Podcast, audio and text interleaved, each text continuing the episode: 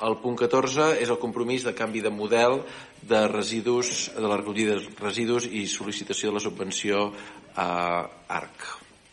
Maite? Gràcies, alcalde. Bon vespre a tothom.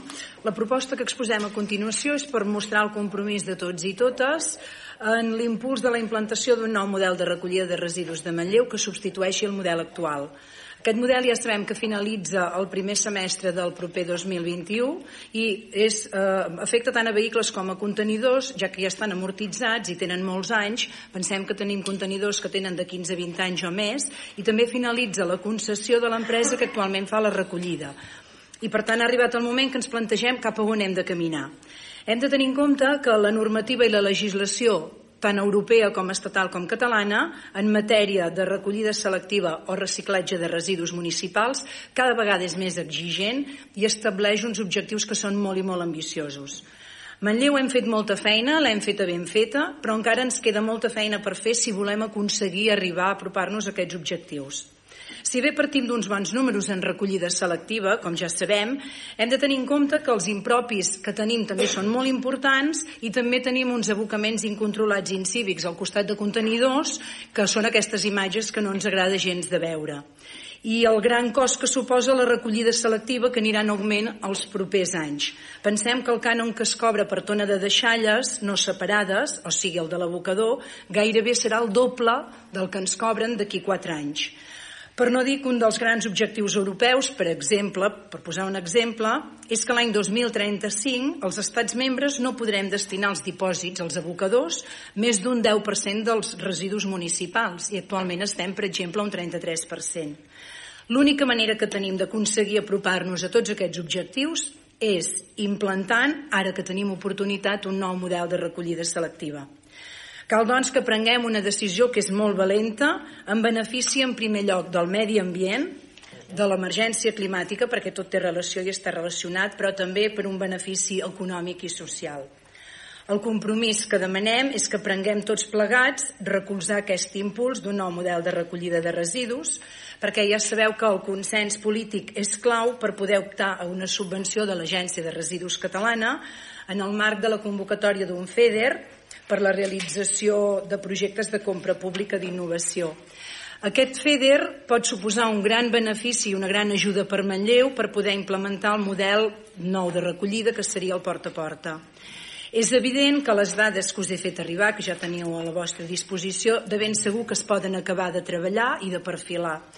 Penseu que els tècnics de la casa estan fent un treball excel·lent, recollint i gestionant dades, des d'aquí els hi hem de donar un gran agraïment, hi ha molts aspectes que ens caldrà consensuar junts. Per exemple, hem parlat vegades que seria òptim implementar un model de recollida propi de l'Ajuntament, en personal de l'Ajuntament, però, per exemple, el FEDER no ens subvencionaria, ja que una de les condicions és que va destinat a compra pública innovadora, o sigui que són contractació de serveis externs. Això fa que almenys de manera temporal sigui el sistema que ens aporti més beneficis a Manlleu. No obstant, sempre trobarem fórmules per descomptat perquè puguem posar nosaltres, eh, per posar un exemple, si fem contracte amb alguna empresa, podrem posar clàusules que prioritzarem que es contracti gent amb risc d'exclusió social, només per dir un exemple. Dit tot això, us apelo a una responsabilitat pel bé de la ciutat de Manlleu i sobretot pel compromís que tenim amb el planeta. Moltes gràcies. Moltes gràcies, Maite. Uh, intervencions? Bona tarda a totes i a tots.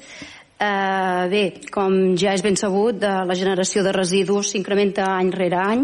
Com a conseqüència d'aquest model lineal de consum que impera en el capitalisme i que està sembrant tant la terra com els oceans d'aquestes deixalles de, i, de, i plàstics eh, amb un impacte directe amb els, amb els ecosistemes i els éssers vius el, malbaratament de recursos naturals, la generació i el tractament d'aquests residus és un greu problema ambiental que està relacionat precisament amb el que comentaves d'aquesta emergència climàtica que estem vivint. Des de la CUP pensem que el porta a porta és un sistema que pot assegurar la màxima recuperació i el reciclatge de residus perquè augmenta tant la quantitat de recollida de cada fracció com també la bona qualitat de la mateixa. D'aquesta manera també s'augmenta el retorn econòmic i el major reciclatge i, per tant, la sostenibilitat ambiental, que és eh, l'últim fi d'aquest sistema. Malgrat que Manlleu, com es deia, tenim bons resultats, eh, bons, bons índexs de recuperació sempre es poden millorar i especialment en el que fa a la qualitat d'aquesta tria. També volem remarcar que el porta a porta és un sistema eh, que està, eh, la recollida està basada en la corresponsabilitat i la individualització de les persones que fan la, la gestió dels residus domiciliaris. De manera que la ciutadania participa activament i se sent part d'aquesta solució. Eh, també som conscients que sobretot ara al principi sorgiran reticències importants pel que fa, perquè això comporta un canvi d'hàbits eh, per les ciutadanies. Per això demanem que des d'aquest Ajuntament es dediquin esforços eh, permanents a aquesta sensibilització i aquesta formació. Un altre dels avantatges que nosaltres considerem fonamentals que veiem en aquest sistema és la possibilitat eh, a futur d'implantar mesures que fomentin allò el que és més important, que és al final la reducció dels residus. Com comentava la Maite, eh, el planeta al final no és, no és finit i no es pot malbaratar més. A la llarga, la identificació de les quantitats que es generen per cada habitatge es poden vincular amb una progressivitat a la taxa dels residus, de manera que generar molts residus al final sigui motiu de pagar de manera proporcional. Eh, malgrat això també veiem algun inconvenient, com pot ser el major cost de, de la recollida, però per nosaltres creiem que compensa eh, amb el major impacte ambiental que hi ha i també eh, amb, amb social atès perquè això suposa al final un augment eh, en els llocs de treball eh, tan necessaris de moment en el nostre poble. També un dels altres avantatges que creiem que, que, que fa és que a nivell d'espai públic suposa també un alliberament de carrers, eh, de les voreres, eh, fins i tot dels carrils bici i inclús de, de, de llocs d'aparcament, perquè al mateix temps també també d'una altra manera és que millora el paisatge urbà, perquè com comentaves a vegades trobem moltes deixalles al costat dels contenidors. En aquests moments eh, si és ben cert que no, potser des del FEDER no es pot optar a aquesta subvenció, per lo que comentaves d'innovació, creiem que en un futur eh, pensem que la gestió hauria de ser pública eh, o mancomunada amb els altres municipis eh, propers o des del Consell Comarcal. Un servei que al final es presta directament pel municipi també permet un major control eh, directe, capaç que al final de connectar amb les necessitats de, de la gent del poble. També ens garanteix un servei de proximitat eh, més econòmic i també pot ser de millor qualitat.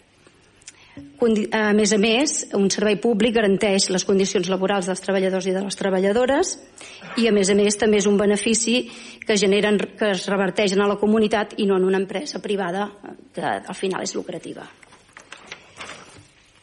eh, pensem que des dels municipis també hem de fer aquests canvis que siguin valents per anar avançant amb aquesta transformació social. Al final el reciclatge no pot ser una opció, ha de ser una obligació per tal de protegir el medi ambient i per això també cal aquestes campanyes de sensibilització i d'educació per la ciutadania. També volíem posar de manifest finalment que volíem fer notar que la recerca d'aquest compromís eh, que dèiem unànim que es busca avui sobre aquest tema en aquest ple per plantejar aquest canvi de model també seria necessari que es donés amb altres temes del municipi que també són de molta rellevància i que pels quals a vegades eh, s'acostuma a consensuar poc o gens amb l'oposició. Moltes gràcies. Marta? Gràcies, alcalde. Uh, bé, després de l'explicació de la regidora, que l'hem sentit ja en diverses ocasions, aquesta vegada més breu, sí. Eh? Uh, uh, primer, primer vol, uh, voldríem uh, concretar una sèrie d'aspectes respecte a tot el que s'ha explicat, eh? amb, amb vuit punts que, que resumiré ràpid i molt concretament. Uh, primer, dir que el PSC està completament d'acord amb el sistema de porta a porta. Uh, segon, dit això, dit això, uh, tenim clar eh, no tenim clar que es faci, mm, creiem, de forma precipitada. Per què de forma precipitada? Perquè eh, tenim un termini que és per una subvenció, la subvenció FEDER, eh, que ens, ens acaba ja ara d'aquí una setmana, i també s'acaba l'encomana de gestió, no la concessió, sinó l'encomana de gestió a residus d'Osona, eh, que sempre estem parlant de concessió, jo crec que hauríem de parlar en propietat i dir que és una encomana de gestió. Eh? Per tant, per què ho fem precipitadament? Eh? per, per això, perquè hem de fer ara hem de demanar una subvenció i perquè s'acaba aquesta encomana de gestió. Tercer, l'equip de govern sabia perfectament que aquesta encomana de gestió finalitzava a desembre del 2020. I en canvi s'ha decidit ara de, de córrer, no? de tirar-ho endavant. Creiem que tots els estudis previs, la programació, eh, l'estudi financer, totes aquestes qüestions s'havien d'haver realitzat eh, en molts mesos d'antelació. En molts mesos. Eh? Parlem fins i tot d'un temps llarg, molt llarg, d'un any fins i tot, per tenir-ho molt ben programat. Uh, tenint en compte que el mandat passat d'això no se'n parlava. No se'n va parlar mai. Uh, quart punt. Es presenten cinc uh, possibles opcions de recollida, de les quals, d'aquest sistema, sembla que l'Ajuntament voldria implementar aquest porta a porta, però això vol dir incrementar el servei un 49% eh, respecte al cost actual. Eh? Nosaltres tenim algunes preguntes. Qui pagarà aquest increment? Com repercutirà a les famílies? I a més a més aquesta opció, si no contem l'opció que aquesta és la que no contempla els voluminosos i la deixalleria. Per tant, si optés per voluminosos i deixalleria, augmentaríem el servei un 70% respecte a l'actual. Cinquè, l'opció porta part eh, que pretén implementar eh, aquest Ajuntament preveu un 80% eh, de, que, que el retorn suposarà eh, aproximadament uns 600.000 euros, aproximadament, eh? uns 600.000 euros. Però això, eh, com tots els estudis i previsions, és una previsió. Per tant, no ho sabem si serà així. El que sí que sabem és que ara hi ha molts impropis i, per tant, eh, assegurar el porta a porta tampoc ens assegura que no hi hagin impropis, malgrat es mirarà i es farà. Però passar d'un 79% descomptant els impropis que tenim, em corregeixes Maite si no és correcte, un 35-37, ara no sé exactament quan, eh, això vol dir que estem passant eh, que haurem de millorar, millorar un 40% la recollida eh, real, eh, sense impropis sense impropi. Si traiem aquest 79 que tenim, doncs seria això. Um, nosaltres, el sisè punt, pensem, el PSC i ho hem dit, que creiem que era uh, prudent fer abans una prova pilot en algun uh, espai de Manlleu, sobretot en aquells indrets amb més densitat de població.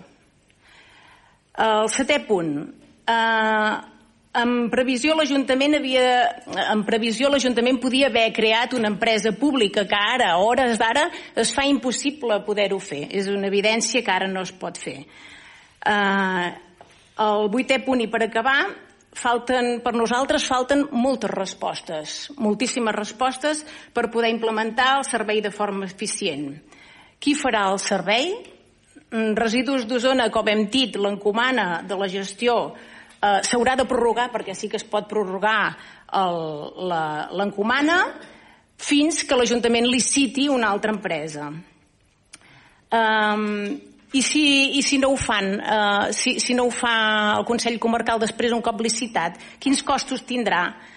Tot això no ho sabem i per tant com que no ho sabem nosaltres tenim molts dubtes eh, i creiem que és una mica precipitat eh, tirar endavant un porta a porta tenint en compte també, i avui que va de participació ciutadana, que aquí no s'ha fet cap procés de participació ciutadana demanant com ho veien la població, malgrat, continuo dient, i com he començat, que el PSC està d'acord en el model porta a porta. Moltes gràcies. Ara passaré la paraula a la regidora. La Maite, de totes maneres, mm, quedi clar, avui no estem decidint eh, el porta a porta, quin model serà, com ho farem, quina serà la, la implementació, si serà escalonada o no. Eh, avui el que estem eh, exposant en el ple és una declaració, merament una declaració d'intenció sobre el model. Eh, Maite. Gràcies. Uh, Flori, no penses que no et vull contestar, perquè ara pensaràs que contesto la Marta i no et contesto amb tu, però és que no et podria dir res perquè tot el que has dit hi estic plenament d'acord, vull dir el 100%. I Marta, tot això que has dit jo he anat prenent nota, però com ha dit l'alcalde, avui estem demanant una declaració d'intencions. L'estudi vindrà a partir d'ara, perquè sí, sí que és veritat que tot aquest plantejament, si fa un temps que ja hi estem donant voltes, eh, no seria per començar fins als, a, la tardor del 2021. Per tant, ens queda molt temps per encara eh, continuar pensant i per descomptat estudiant tot això del porta a porta. Pel que fa a l'encomana que dius, eh, jo penso que això serà una mica no sé si l'Enric, eh, o si m'equivoco ho contestaré, llavors si més no em rectifiqueu. Jo penso que com que és un plantejament que tenim per la tardor del 2021, demanarem un, una pròrroga que es continuï el sistema com fins ara mentre es va treballant tot aquest nou sistema del porta a porta. Però avui, com ha dit l'alcalde, és una declaració que ja sabem bueno, que la fem això no? per poder optar aquest FEDER que, que si ens el donen, si tenim la gran sort que ens el donguin, serà molt beneficiós per Manlleu. Gràcies. Si permets sí que et corregirem una cosa, Maite. Uh, no, uh, el que no podem fer és una pròrroga d'aquesta aquest, encomana de, de gestió. El que hauríem de demanar és una encomana nova per un període limitat eh, per, per arribar a, al, al nou model. Marta. Bé, ja, ja ho sé que és una declaració d'intencions, ja, ja ho sé, ja ho sé, però eh, avui crec que és la primera vegada que es dona l'oportunitat en un ple de poder parlar del porta a porta. Creiem que és un tema molt important, creiem que tots aquests dubtes que verbalitzem aquí en el ple no són per tocar la pera, per dir-ho mm, popularment, sinó per posar tota una sèrie de, de qüestions que nosaltres no acabem de veure clares. Només per això, i entenem que tenim temps, i haurem de negociar, com deia l'alcalde, aquesta encomana de gestió, no es pot prorrogar, però podem, podem intentar que doncs, es torni a fer, però, però eh, avui era una bona oportunitat per posar-ho sobre la taula i, com he dit, nosaltres hi votarem a favor. Uh, aquesta darrera frase la que volíem sentir, Marta. Uh, per tant, uh, procedim a la, a la votació. Vots a favor? S'aprova, per tant, heu fet la foto? S'aprova, per tant, per unanimitat.